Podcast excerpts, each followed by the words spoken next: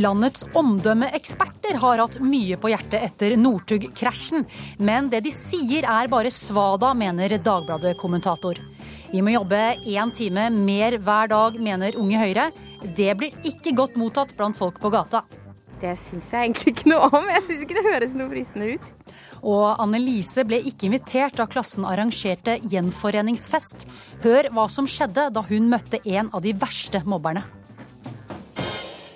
Velkommen til ukeslutt i NRK P1 og P2. Jeg heter Ingvild Edvardsen og skal lede deg gjennom den neste timen. Det blir altså ikke streik blant havnearbeiderne. Norsk Transportarbeiderforbund og NHO Logistikk Transport har blitt enige. Og reporter Marit Gjelland, hva har de blitt enige om? Ja, de har blitt enige om de to minst vanskelige spørsmålene. Og det, det vil si at eh, det blir en lønnsvekst eh, i tråd med frontfaget. Og en bli, har blitt enige om å starte en egen fagarbeiderutdannelse for transportarbeidere. Men det de ikke ble enige om, og som de har forskjøvet fram i tid, er nemlig det største spørsmålet, som var striden om, om forbundets, Transportarbeiderforbundets tariff også skulle gjelde på de private havneområdene. Det forteller både mm, Tom Rune Nilsen, som var NHOs representant, og Terje Samuelsen, som var transportarbeidernes representant, at eh, de skyver fram i, til juni, når det skal foregå en rettssak om akkurat det her. Så der ble det ikke noe løsning, men ingen streik, altså. Ja, hva mer sier partene om dette resultatet? De sier jo at eh, de er fornøyd, men eh, Terje Samuelsen, eh, som er representanten for Transportforbundet, kunne jo ikke legge skjul på at han var litt skuffa for at man ikke hadde kommet til enighet når det kom til striden om tariff også på de private havneområdene. Så de sier de er fornøyd, men noe skuffelse kunne man spore. Takk til deg. Nå skal vi til ukas mest omtalte sak. Han drakk øl eller et eller annet, så han ble full, og så kjørte han bilen sin og krasja. Er du skuffa over Petter Northug? Ja, jeg er det. Dette er svært alvorlig for hans uh, omdømme. Han har fått uh, ikke bare en ripe i lakken, han har fått en stor bulk.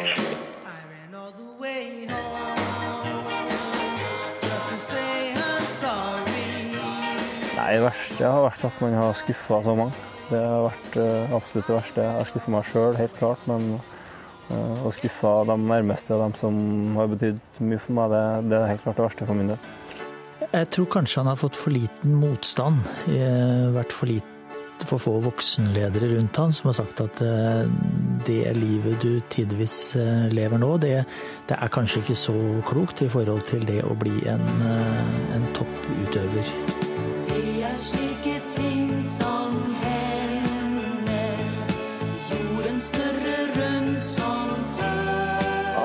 Ja, det vet jeg jo ikke. Eh, jeg vet jo ikke, kanskje ikke Northug engang selv vet eh, hva han vil akkurat nå, for dette er vel kanskje den verste dagen i hans liv.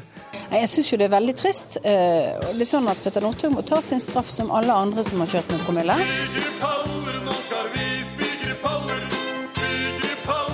Men så håper jo jeg at vi kommer til å se han tilbake igjen i skiløypene på et tidspunkt. Jeg får, får gjøre det jeg kan for å kjempe meg tilbake i toppen og gjøre en bra treningsarbeid. og så får det være min innstilling. Ha fokus på det jeg kan for å komme tilbake. Og det, det blir, det blir første pri. I'm sorry, so sorry. Please accept my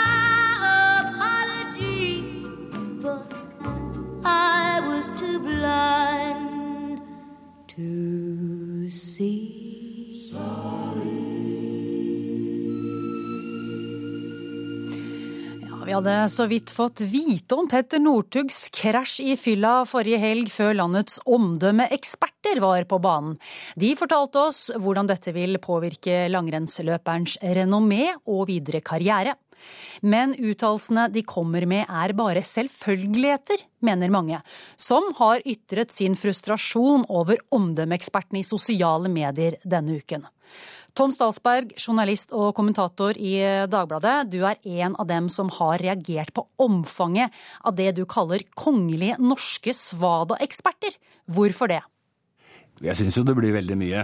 Og jeg, jeg, jeg syns omdømmeekspertene skal være utnevnt til kongelige, da. Men det blir veldig massivt, eh, syns jeg, om man skal mene noe og gå inn i hodet på folk de ikke kjenner. Og mene noe hva man må gjøre og Altså, jeg er ingen omdømmeekspert, jeg bruker sunn fornuft. Petter Northug har gjort det han har gjort. Han må sone, trene, kommer tilbake og vinne gull. Ferdig med det. Hva er det typiske omdømmeeksperter sier når sånne saker kommer opp? Nå sitter jo en, eh, en profilert omdømmeherre ved siden av meg, så han kan vel si det. Men det er veldig, for meg, da, så synes jeg det er veldig mye forutsigbarhet. At han må komme igjen, gjøre han større, sterkere, legge seg flat. Ja, selvsagt. Hva skal han gjøre? Skal han bare si at jeg skal kjøre mer i fylla, liksom? Jarle Aabø, du er informasjonsrådgiver og en av dem som har uttalt deg om Northugs omdømme denne uken. Hvordan reagerer du på det Tom Statsberg sier? Nei, jeg syns det er interessant at vi diskuterer hvilke kilder pressen velger å bruke når de formidler virkeligheten i Norge. Jeg ble oppringt av VG den 4. mai, altså den dagen saken sprakk, på kvelden. Og jeg ga noen små, korte kommentarer. For meg så handlet jo Northug-saken faglig sett om hvordan skal hans rådgiverapparat håndtere denne hendelsen. Og jeg var kjapt på ballen der ved å si at han måtte bare snakke sant, fortelle hele sin historie. Jeg har ikke sagt at han skal legge seg flat. Eh, jeg syns ikke det å legge seg flat er noen særlig god løsning bestandig. Men eh, at jeg blir oppringt, det setter jeg veldig pris på. Jeg liker å være en del av det offentlige ordskiftet, og jeg forvalter et fag som jeg har holdt på med nå i 13 år.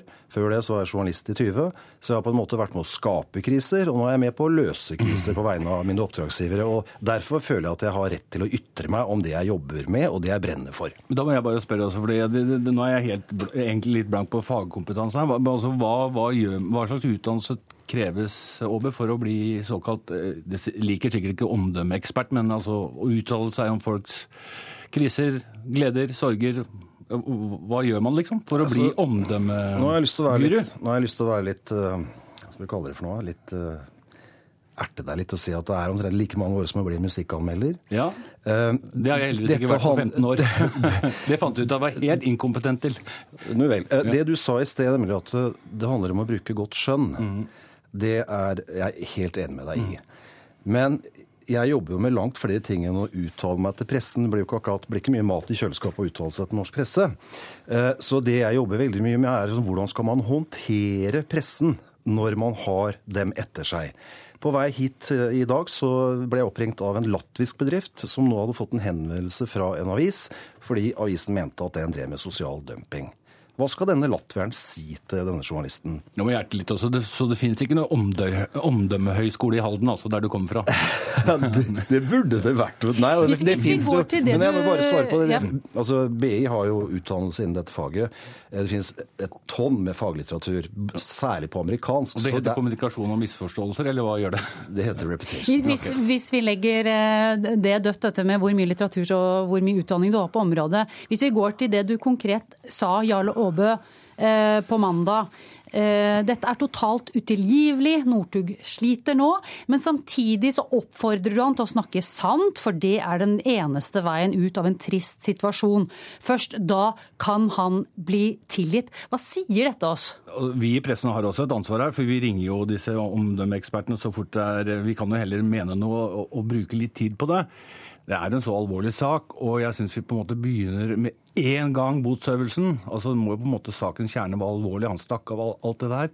Så skal vi med en gang bare på en måte se bort fra det, og så gå videre. Hva må han gjøre? Og Der er vi i pressen litt pressekritikk. Definitivt. Det trengs hver eneste dag. Jeg er veldig uenig med det du sier nå. Altså, Det er ikke synd på Petter Northug. Ja, Pressen skal kaste seg på den ja, saken det, fra første sekund. Og den må vi tåle en offentlig debatt på. Jo, ja. Oh, ja. kjære, kjære deg, Tom. Jo, men det, Jeg sa ikke synd på. Men jeg syns faktisk at vi, vi, har glemmer sakens alvor. Ja, men hvordan, hvordan, hvordan, ville du gjort det annerledes, da? Hva, hva mener ja, men du er kritisk her? Jeg syns ikke du skal ringe til sånn som deg med en gang. Jeg syns vi må prøve å finne sakens ja, hvorfor, skal ikke, hvorfor, skal ikke, folk kunne ringe til Hvis vi ser på omdømmet til, til Petter Northug, det kan jo virke som om, eh, om ting har snudd litt fra mandag. Hva har egentlig skjedd denne uken? Det som har skjedd, tror jeg, er at han uh, fikk sympati. Uh, han fikk tårer i øynene. Og, han, og jeg tror noen altså, Det er fælt å si det sånn, men jeg tror kanskje mange kan kjenne seg litt igjen at det å gjøre en så dum ting kunne kanskje flere dessverre vært i stand til. Og så er det noe med at han er et nasjonalt ikon, og vi vil ikke at han skulle gjøre det. Hadde det vært en upopulær person som hadde gjort dette, så hadde jo pressen forlystet seg helt til vedkommende ja. Men samtidig så er jo hele nasjonen, inkludert oss i pressen og en del omdømmeeksperter, et ansvar her. For vi har vært en nasjonal heiagjeng for uansett hva Petter Northug har gjort. Og han har gjort en del, la meg snakke ferdig nå, gjort en del ting som jeg syns har vært bare sånn eh, barnslig. Vokse opp, poker, svenskehets, gå ut, være med på Coop, har ikke levert. Så kom dette her, men det var en, en turning point. Noen sier også at omdømmet til omdømmeekspertene er svekket denne uken. Hva må dere gjøre nå, Jarle Aabø, for å komme ut av denne skvissen? Jeg tror jeg heller vil snu litt rundt og si følgende at fra det øyeblikket jeg ble informasjonsrådgiver, eh, så har jeg vært kritisk til hvordan min bransje har forvaltet sitt eget omdømme. Dette har jeg tatt opp og snakket om i det offentlige rom gjentatte ganger. Og Det som jeg synes er det største problemet med oss eh, omdømmeeksperter, er at eh, når vi blir angrepet, så klarer vi ikke å takle vår egen omdømmekrise. Eh, det finnes jo fagforeninger, for å bruke det uttrykket. Det finnes interesseorganisasjoner som gjemmer seg hver gang det kommer litt sånn ruskevær mot bransjen vår. Og jeg synes at vår bransje, vi må få gjort noe med alle de mytene som er knytta til den bransjen, og vi må sørge for at vi har et høyt etisk nivå, slik at vår troverdighet er så høy som mulig. Et tips til om han blir ombudsmann for omdømmeekspertene. Så har jeg en gave til deg faktisk. Den tar jeg imot uansett hva det er. Det er eh, boka 'Skaff deg et liv'. Vær så god. Tusen takk. Jeg hadde tenkt å ta med min CD-plate til deg, men jeg glemte det, så du får den i posten. Ja, tusen takk for at dere kom hit, begge to, Jarle Aabe og Tom Statsberg. Nå til Høyres landsmøte som pågår denne helgen. Der er du, Eva Marie Bulai. Hva er det viktigste som skjer i dag? Jo, I dag er det kommunenes dag her på landsmøtet. Kommunalminister Jan Tore Sanner har lova 340 millioner til såkalte vekstkommuner neste år. I dag får de 60 millioner. Det er én eh, tale på landsmøtet som har vakt mer oppsikt enn eh, andre. Den var det 18 år gamle Hågen Poppe som holdt. Fortell om det. Jo, i går så fortalte han landsmøtet hvordan han ble kasta i fontena der klassekameratene hans først hadde tissa. Og at han på et tidspunkt var nær ved å ta sitt eget liv. Helseminister Bent Høie var en av dem som hørte den sterke historien fra første rad. Det rørte meg, og jeg tror det rørte hele landsmøtet å høre en ung gutt som var så Eh, brutalt ærlig med hvordan han hadde opplevd eh, mobbing eh, i skolen, og hvilke konsekvenser det hadde hatt for han. Det er, det er alltid sterkt når noen velger å være åpne. og Det betyr òg, tror jeg, veldig mye for andre. Du var den første som reiste deg for å klappe i går. Hvorfor gjorde du det? Det var rett og slett fordi at jeg syntes at han eh, fortjente å få en så klar tilbakemelding fra, fra landsmøtet på at eh, Eh, det han hadde sagt, det berørte oss. og det, eh, Han gjorde jo dette òg ut ifra et politisk engasjement. Ja, det var helseminister Bent Høie vi hørte her, intervjuet av Eva Marie Bulaya. Vi holder oss til samme tema her i ukeslutt. Hva om du ikke blir invitert når gamleklassen skal gjenforenes? Det skjedde med svenske Anna Odell. Hun lagde film om hvordan det hadde vært dersom de som mobbet henne gjennom hele oppveksten hadde invitert henne. Ukeslutts reporter Gry Veiby traff Annelise Wang, som heller ikke fikk en invitasjon til reunion. Ja, det var egentlig en jeg traff på eh, helt tilfeldig ute, som eh, spurte om jeg skulle på reunion med ungdomsskolen. Og jeg tenkte hæ? Den har ikke jeg hørt noe om. Jeg, jeg, jeg kan jo i teorien ha blitt glemt. Forestill deg hvordan det er å gå med en stor klump i magen hver dag. Sånn var det for Annelise Wang.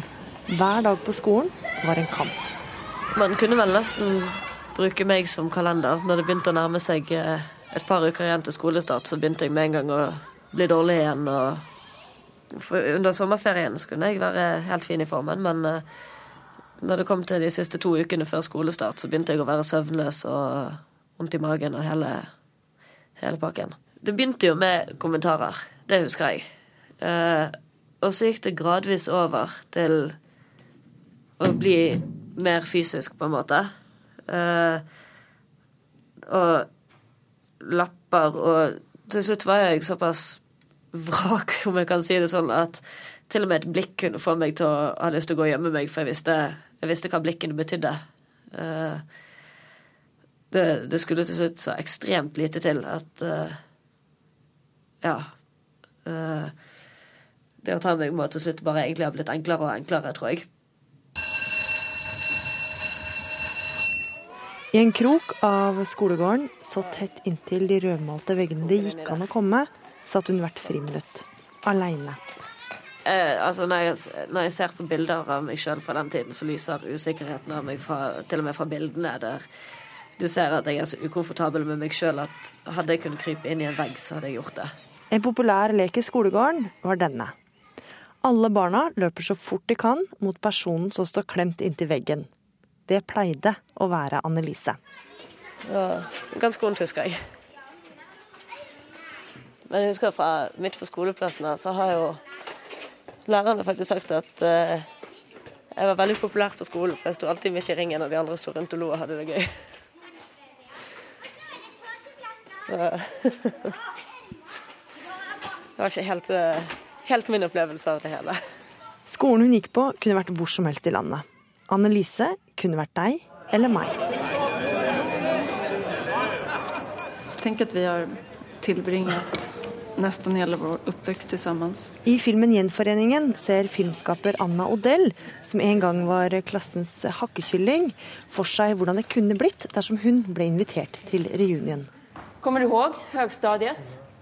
Hva du brukade si til meg? Kommer du ihåg det? Nei. Om jeg såg ut som du, så skulle jeg ta livet av meg. Kan du ikke bare gå hjem og gjøre det, så vi slipper se deg? Det skulle være så jævla skönt. Og vet ni at enda anledningen til at jeg ikke gjorde det, vet ni hva det var? At jeg var så jævla redd at man skulle skratte og ekles ännu mer over min døde kropp når jeg ikke kunne skydde meg med ett tjockt lager smink. Jeg husker at jeg kalte henne treig. Trine Voldseth gikk i klasse med Annelise. Og jeg husker en episode der eh, vi gikk fire jenter, og så var Annelise en av de. Og så eh, ignorerte vi henne, liksom. Og eh, bare liksom at vi nesten bare hørte summingen fra en flue når hun snakket. Trine og Annelise sitter rett overfor hverandre. Annelise har brunt hår og grønn hettegenser. Begge er i slutten av 20-åra. På barneskolen var Trine en av de aller verste, mener Annelise. Av og til fordi at hun var den som startet opp ting. Um, noen, dager, altså, noen, dager, var hun den som startet, uh, startet situasjoner som oppsto. Uh, og fordi at jeg aldri på en måte visste hvor jeg hadde henne. Uh, mens med de fleste av de andre så visste jeg alltid hvor jeg hadde de, og det var mot meg. Men hva var det som gjorde at du, Trine, begynte å mobbe? Jeg aner ikke. Jeg jeg, jeg, har Altså, jeg, husk, jeg har ikke peiling. Jeg har eh, Jeg vet liksom ikke. Skulle ønske at jeg hadde gjort noe. Jeg eh, Jeg eh, Jeg vet liksom ikke hvor sterk jeg egentlig følte meg sjøl på skolen. Jeg tror det var mer sånn eh, trygghet i mengden. Eh, men nå i ettertid så syns jeg det er helt forferdelig. Jeg skulle liksom gå tilbake og skulle ønske at jeg kunne bare reise meg og skrike stopp, liksom. Nå. Skål! I filmen til Anna Odell tar hun et oppgjør med mobberne. Minns du overhodet altså, hvordan jeg fikk høre av deg at jeg forpestet deres skoletid gjennom å være der, at jeg burde gå hjem? At det forstyrret for dere? Minns du det? Kommer ni ha... Vi... Ja, men jeg... Jeg kan bare si at jeg er ledsen, Anna. Eller hva vil du høre? Var ikke det bra? Jeg, har også burit det her med meg. Du har mått dårlig? Jeg har mått dårlig over det jeg har gjort. Stakkars deg. Også Annelise har tatt et slags oppgjør. En dag fikk hun et brev av Trine. Det var da ti år siden sist de hadde sett hverandre.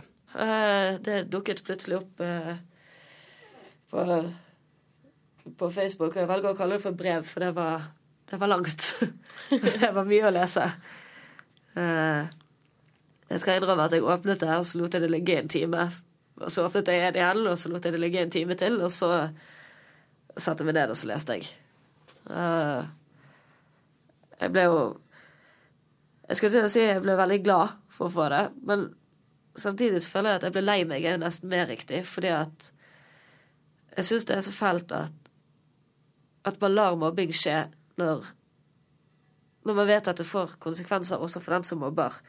For det å gå rundt etter man blir voksen og ha dårlig samvittighet for ting man gjorde fordi at ingen satte grenser når man var yngre, det syns jeg nesten er like ille. Noen måneder etter dro hun på gjenforening. Nei, jeg hadde jo absolutt ikke lyst til å gå på, på reunion, men uh, det var vel rett før det jeg hadde fått, uh, fått brevet fra Trine. Og hun spurte om jeg skulle gå, og jeg sa at jeg, det, det frister lite. Men uh, hun var med litt på å overtale meg, så, så jeg gjorde det nå. Men jeg skal jo òg innrømme at jeg var ikke, var ikke særlig høy i hatten før vi, før vi gikk inn og traff de andre. Hvorfor ville du gå? Egentlig bare vise at uh, hei, her er jeg, og jeg er sterk og absolutt ingen uh, liten kjemperedd unge som ikke vet hvor hun skal gjøre det av seg. Jeg har fått selvtillit, og jeg er ikke, jeg er ikke redd dere lenger, på en måte. Var det noen som ba om unnskyldning?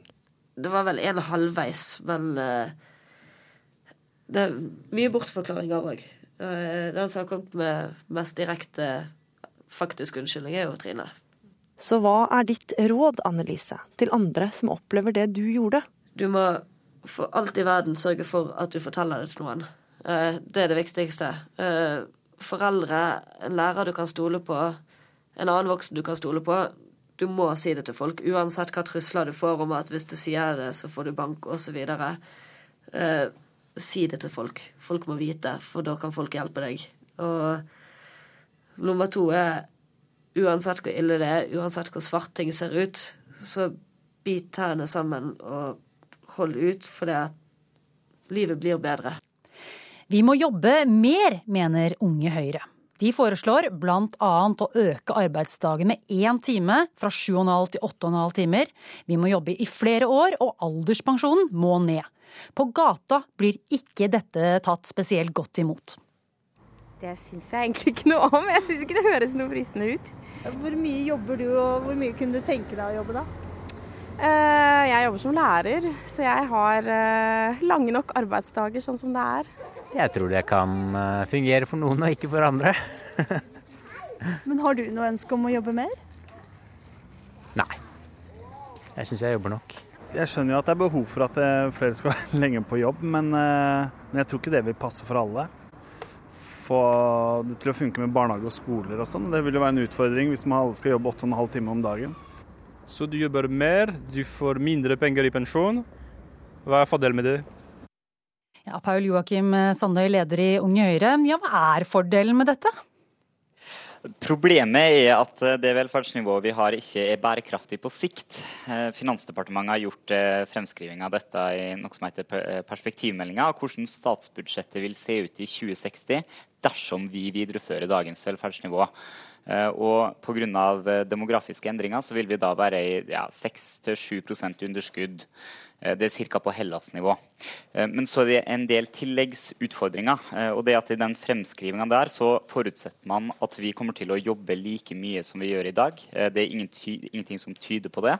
Antageligvis kommer vi til å jobbe mindre i framtida i takt med økt velferdsnivå. Og det andre velstandsnivå, og det andre er at man forutsetter at vi skal være fornøyde med dagens velferdsnivå i 2060. Det er det heller ingenting som tyder på. Så antageligvis så ligger vi nærmere 25 underskudd. Det vil si at dagens velferdsnivå egentlig er en gigantisk regning til neste generasjon. Eh, det må vi betale for gjennom eh, kutt i ytelser eller eh, økte skatter. Det vet dagens politikere, men de gjør ikke noe med det. Og det er det vi prøver å adressere med de forslagene vi har kommet med. Mimir Kristiansson, du er redaktør for det venstreorienterte tidsskriftet Manifest. Ikke spesielt begeistret for eh, dette forslaget her. Hvorfor ikke? Det er helt feil medisin. Den perspektivmeldingen som Pøl Joakim snakker om, legger opp til at vi skal doble privat forbruk. Eh, den legger opp til at vi skal ha dobbelt så mange laptoper, dobbelt så mange eh, flatskjermer, dobbelt så mange SUV-er, dobbelt så mye penger mellom hendene. Og så er det jo sånn at Flertallet av nordmenn sier jo i spørreundersøkelser at de heller vil ta ut den økningen av produktivitet i fritid framfor penger. Det er bra for miljøet. Det er solidarisk, åpenbart, fordi at den løsningen Pøl Joakim står for, betyr jo at det går verst for de som har harde jobber. Og jeg vil jo bare utfordre Pelle Joakim på et eh, spørsmål. For min løsning er jo at man har en mengde arbeid man skal gjøre i et samfunn, og da prøver man å dele hvor det er så solidarisk eh, som mulig. I dag har vi jo en masse folk for eksempel, som jobber ufrivillig deltid. Vi har jo folk som eh, ikke klarer å stå helt til de er 62 i arbeidslivet fordi de har tunge jobber, og derfor må de gå ut lenge før AFP fordi de er uføre. Rett og slett ryggen holder ikke når du er sveiser så lenge. Nå er verken meg eller Pelle Joakim sveisere, men sånn er fakta.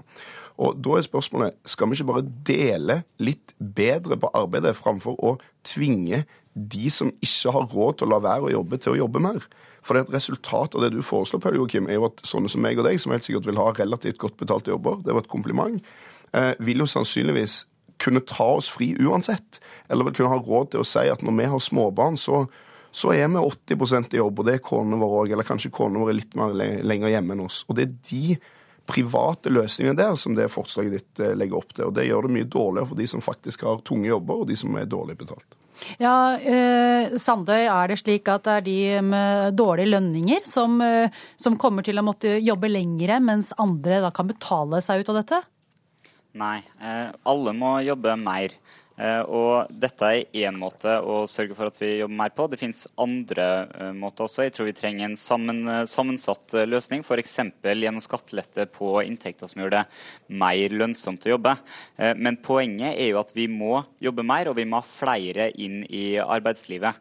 Hvis vi hadde jobba like mye som de gjør i Sverige og Island f.eks., i Norge, så hadde dette problemet vært løst. Da hadde vi ikke sittet her og hatt denne debatten.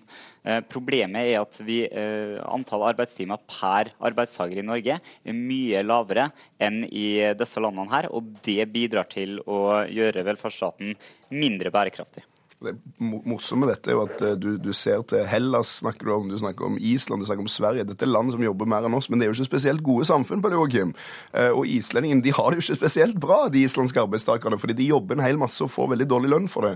Eh, og du sier alle må jobbe mer, men nå bor vi altså ikke i noe slags sovjetisk kommunistdiktatur, så vi tvinger ikke folk til å jobbe i dette landet. Og det vil si at hvis du tjener 600 000-700 000, så kan jo du mene at du må jobbe mer så mye du vil, men da vil jo folk la være å gjøre det. I de jobbene vil jo folk si da tar jeg meg fri på fredag, sånn at jeg kan være hjemme med barna mine, eller sånn at jeg kan eh, gå på topptur, eller sånn at jeg kan eh, forberede meg til Holmenkollstafetten, eller et eller annet. Og Det er det som blir resultatet. Noen har råd til å kjøpe seg ut denne ordningen, og du kan ikke tvinge dem til å jobbe, men noen har ikke råd til å kjøpe seg ut denne ordningen. Og de menneskene, de som allerede i dag sliter med å fullføre det arbeidsløpet vi har lagt opp. Vi vet jo at innenfor f.eks. sveising da, så overlever jo mindretallet helt fram til de er 62, fordi det er tunge yrker. Vi vet at kokker lever til de er 70, mens arkitekter lever til de er 80, og så skal du tvinge da de som har det aller verst, Da tror jeg vi må slippe til Sandnes svare på det. Ja, fordi, altså, to poeng her. For det første det på en måte brutale arbeidslivet som Mimmi Mimi Kristjansson skisserer, eh, ikke helt, stemmer ikke helt overens med virkeligheten. Eh, arbeidslivet i Norge blir mindre og mindre brutalt og bedre og bedre eh, for hvert eneste år som går. Eh, det andre poenget er at den som ikke vil gjøre noe med dette, den som ikke vil sette inn tiltak for å sørge for at flere kommer inn i jobb, og at flere jobber lenger, ja, da er løsninga at da må man kutte mer i velferdstilbudet for å sørge for at dette går opp. Og det tror jeg heller ikke manifestet er spesielt begeistra for. Så til slutt så står man igjen da med en venstreside som er mot at man skal gjøre tiltak for å gjøre velferdsstaten bærekraftig, eh, og, og egentlig bare eh, stikke hodet i sanden og håpe at det går bra. og Det tror jeg er en dårlig måte å møte morgendagens utfordringer på. Ja, Kristiansson, hvordan vil du løse fremtidens velferdsutfordringer hvis vi ikke skal jobbe mer og ikke få mindre pensjon? For det første skal vi betale skatt. For det andre så vil jeg at vi skal ha flere som jobber. Altså Jeg er jo òg for at flere skal være i arbeidslivet. Jeg tror det er mange yrker der folk kan stå lenge i arbeid òg, men jeg tror ikke det gjelder alle. Det vil ha en solidarisk pensjonsreform som gjør at vi som jobber i kontorjobber, kan jobbe litt lenger, mens de som jobber i fysiske yrker, kan jobbe litt kortere. Og så er det jo viktig å huske at folk kan jo komme inn i arbeidslivet litt tidligere òg. Du trenger ikke bruke ti år på å sose rundt på Blindern og ta master før du begynner å jobbe. Så det er noen eh, år å vinne på det òg. Og så har vi jo en produktivitetsvekst som vi ser fram til, og så kan vi kutte ned på veksten i det private forbruket. Men det er ganske morsomt når Pelle Joakim eh, sier at arbeidslivet i Norge blir mindre og mindre betalt. Da vil jeg bare svare det er jo ikke takket være Høyre, som jo kontinuerlig står klar for å for, eh, foreslå at folk skal jobbe lenger, mer, slite seg mer ut på jobb. Sånn at det er riktig at arbeidslivet i Norge blir mer, mindre og mindre betalt, men det er jo fordi at dere taper eh, kampen om arbeidslivet, og det betyr at vi får et mer organisert og bedre arbeidsliv. Du får slippe til på slutten, Sanne. Kort.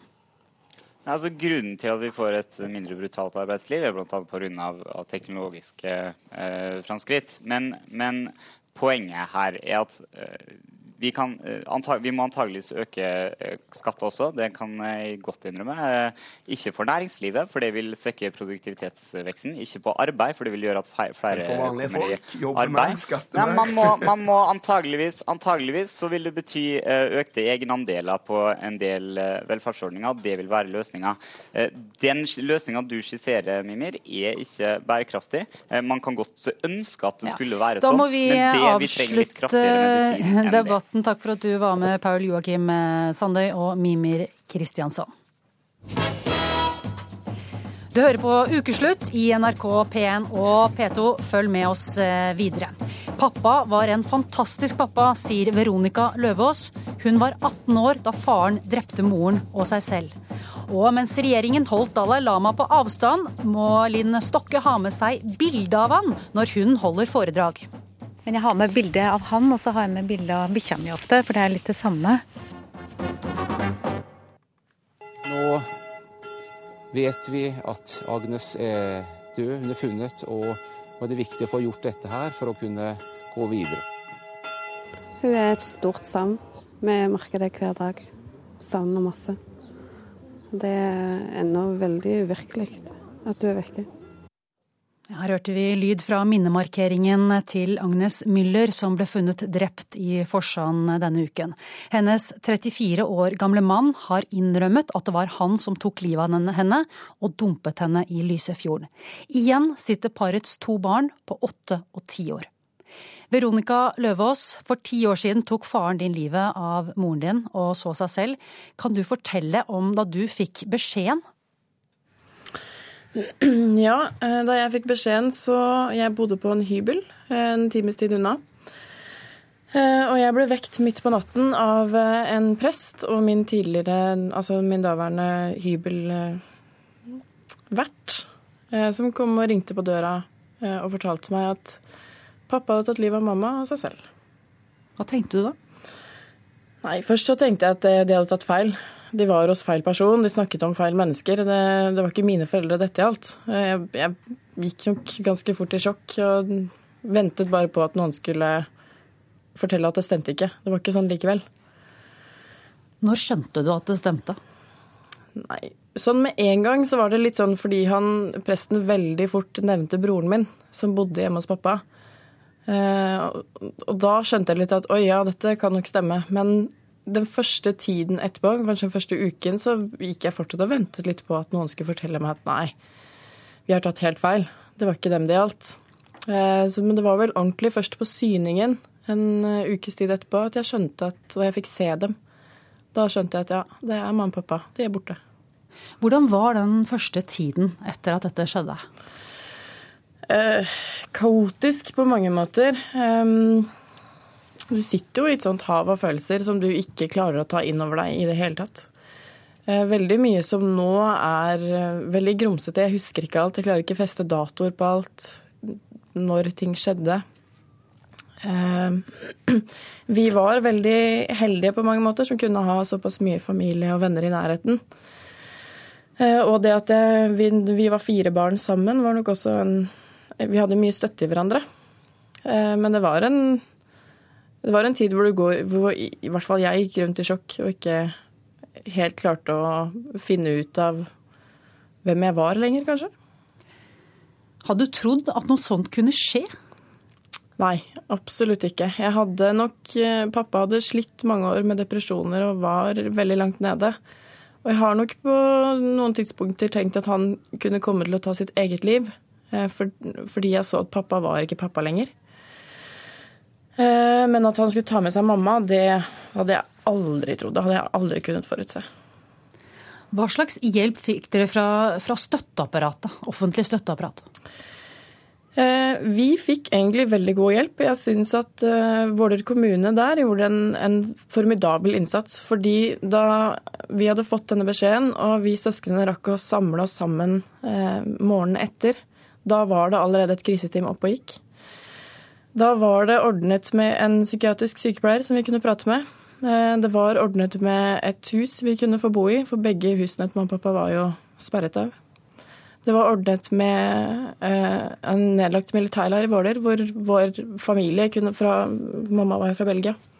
Så familie derfra kunne komme for bo, og få bo der rimelig. Um, så vi fikk veldig mye støtte og oppbacking i tiden rett etterpå. Og det kriseteamet gjorde utrolig mye for oss. Og de var veldig raskt på.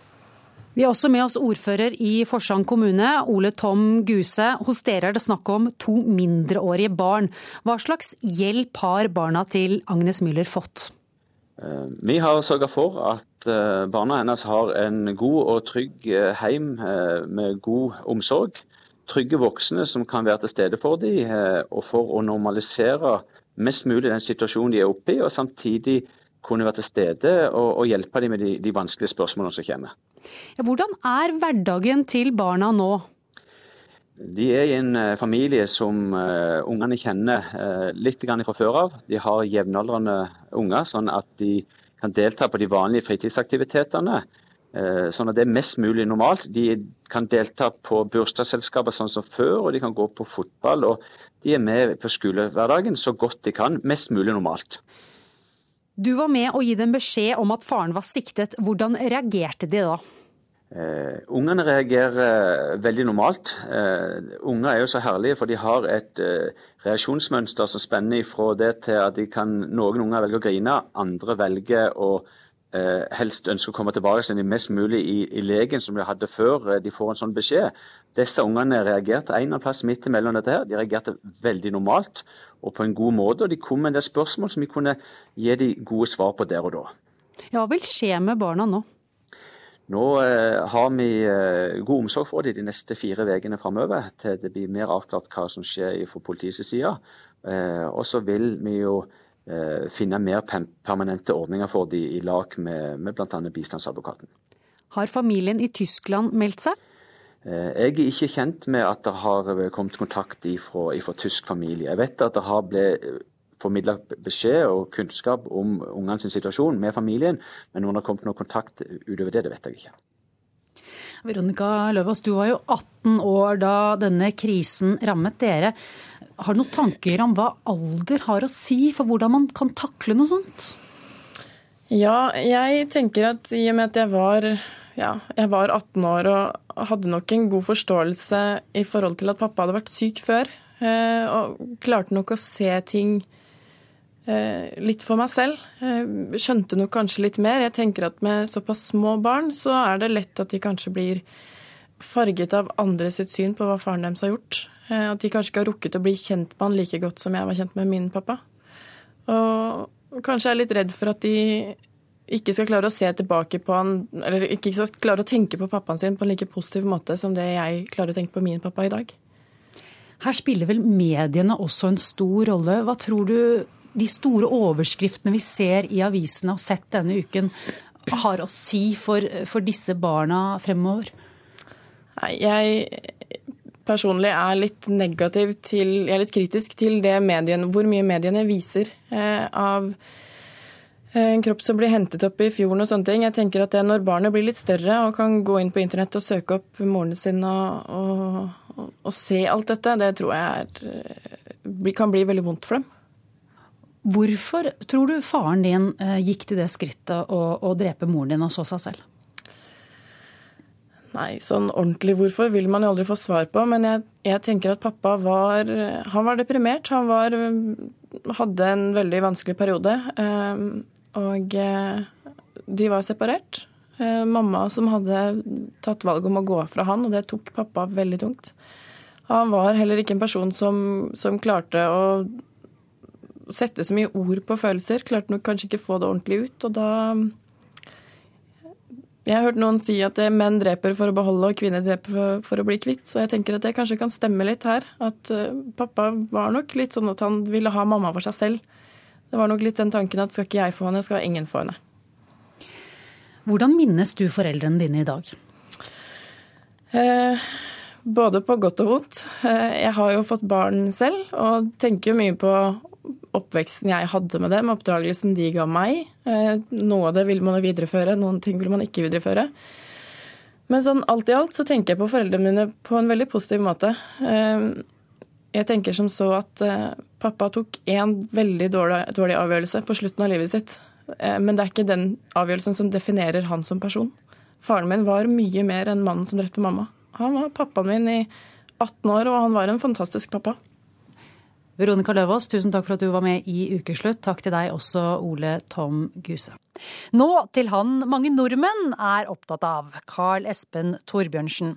Når han står på scenen i kveld, vil 180 millioner seere over hele verden høre hans nokså personlige sang.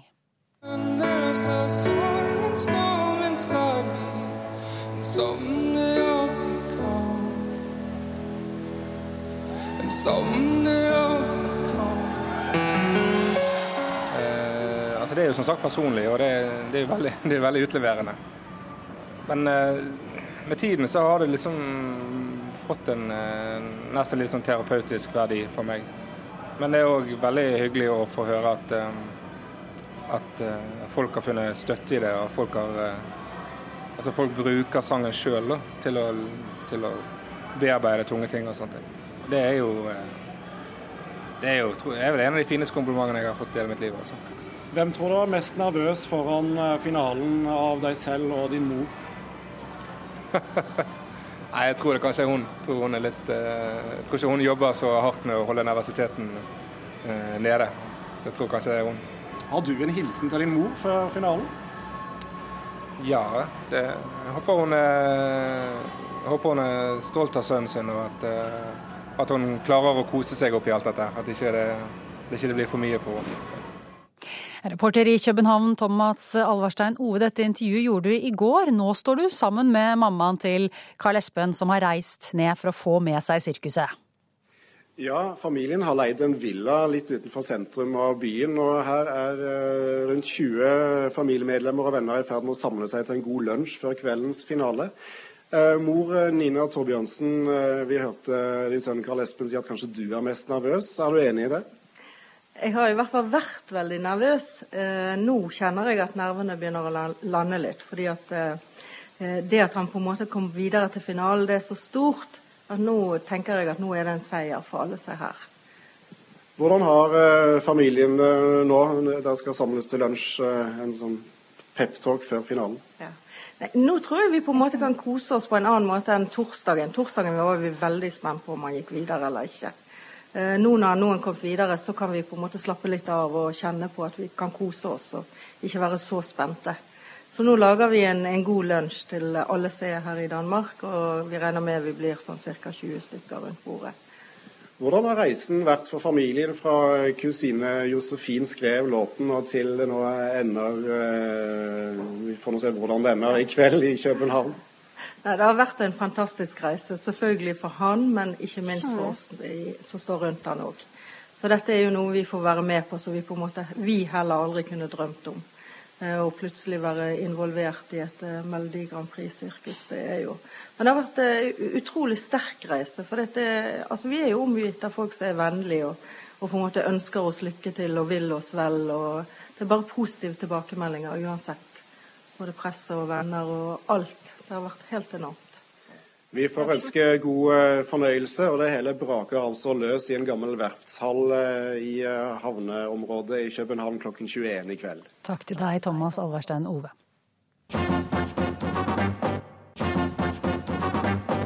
Han er på en måte kongen over buddhistene. Han har svart hår. Hva har han på seg, da?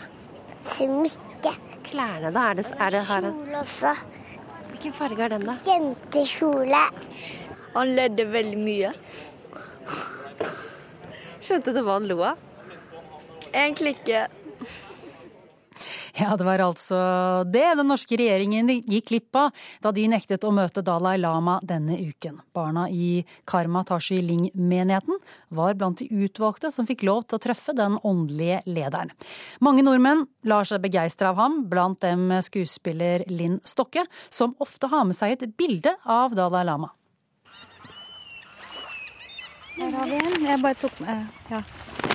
Her har vi han. Men jeg har med bilde av han, og så har jeg med bilde av bikkja mi ofte, for det er litt det samme. Dalai Lama har sagt en ting som jeg syns er veldig fint. My religion is kindness. Og det syns jeg er veldig, veldig viktig. Fordi at eh, Oversatt av min religion er vennlighet. Tenk hvis vi alle hadde praktisert det hver dag som vår religion.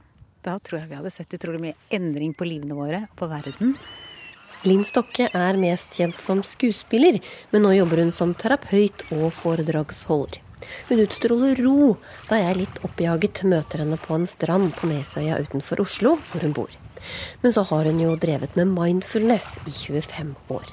Så eh, Det er egentlig derfor jeg har det med, fordi at også du ser av blikket hans at, han, eh, at det er mye vennlighet der, og det gjør noe med oss. Man vet jo nå i dag at, det, at vennlighet, når vi utsetter oss selv for vennlighet, eller eh, opplever vennlighet, eller ser vennlighet, så endrer det faktisk hjernen vår. Det syns jeg er ganske utrolig. Eh, produserer mer serotonin. Så du, det er liksom lykkehormonet, så du blir jo mye roligere, mer happy. Samme dag i Oslo. Constant anger, hatred, fear, eating our immune. Calm mind brings or maintain our physical health. Også Dalai Lama er opptatt av roens helsebringende effekt. Sinne og hat derimot ødelegger immunsystemet. Halen av folk som ønsker å komme inn på Dalai Lamas neste foredrag om mindfulness på Chateau Neuf, strekker seg stadig lengre nedover veien.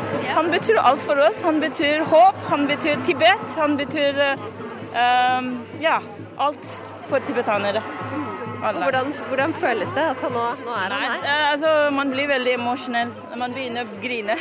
det er flere som begynner å gråte bare se ham der borte. Mm. Noen har til og med blitt velsignet av ham tidligere. Ja, når jeg var litt mindre, så fikk jeg velsignelse fra han da. Det var da han fikk nobelsprisen. Mm. Ja, så det var gøy. Hvordan blir det å se han igjen da? Ja, det, blir, det var veldig jeg begynte, Hjertet begynte å banke deg sånn, så det var veldig spennende. Jeg gleder meg til å høre mer fra speeching. Hva, hva, gjorde det med deg da, det at du ble velsignet av han den gangen? Uh, jeg var veldig liten da, så jeg husker jo ikke det, det hele tatt. Men jeg ble fortalt. Uh, jeg følte meg veld, veldig velsignet hele livet, at uh, ting har gått litt som min vei. Da. At jeg har fått den støtten og tryggheten. ja. På scenen sitter Dalai Lama på en opphøyd stol. Munker i rødt, oransje og gult sitter vendt mot ham på puter. Hvite kjoler svinser rundt i bakgrunnen. Uh,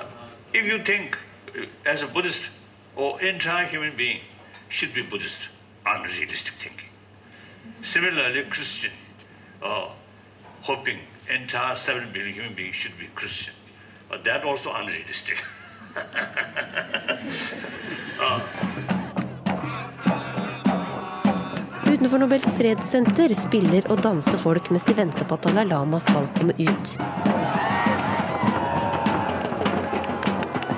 For bare noen minutter siden har Jonathan, Ferdinand og Elias fått hilse på Dalai Lama sammen med andre barn fra buddhistsenteret Karma Tashiling. Ja, han gikk forbi meg, og så ga jeg et klipp som faren min Peter hadde klippa.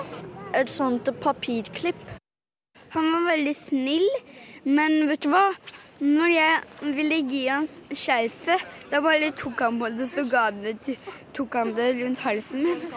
Så det var egentlig litt merkelig. Eh, det var veldig spesielt. Eh, han, var, eh, han var veldig stor tilværelse. og eh, Jeg har sett han mange ganger på nettet og på videoer og eh, lest mange av eh, sitatene hans, så det var veldig spesielt å møte han tilbake på Nesøya. En stresset reporter og en rolig Linn Stokke. Men hva, hva, vil du si er Er det noen forbindelse mellom uh, buddhisme eller Dalai Lama og, og, mindfulness? Det er absolutt det, for det er jo praktiseringen av uh, å være her, å være enkelt til stede, å være um, i kommunikasjon med hverandre. Jeg føler at jeg kom litt sånn stressa og halsende hit, og så merker jeg at du er kjemperolig. Har du noe råd til meg og andre som liksom stresser rundt? Ja, så Jeg vil jo absolutt anbefale alle å se på dette med mindfulness, for det er noe vi alle trenger. Og så er det så veldig sånn direkte, så når man er stresset, da, så kan man jo også bare stoppe opp et øyeblikk, legge merke til at man er stresset. Og bare være oppmerksom på pusten noen øyeblikk. Bare puste inn og ut. Puste inn og ut. Så gjør man det en stund, og så kan man se at eh, da etter en kort stund så har man plutselig landet igjen. Så kan man gå videre. Det sa skuespiller Linn Stokke. Det var reporter Linn Beate Gabrielsen som hadde møtt henne. Ukeslutt er over. Vi er tilbake neste lørdag. Ansvarlig for sendingen var Kari Li. Teknisk ansvarlig Erik Sandbråten. Jeg er Ingvild Edvardsen. Håper du får en fin dag.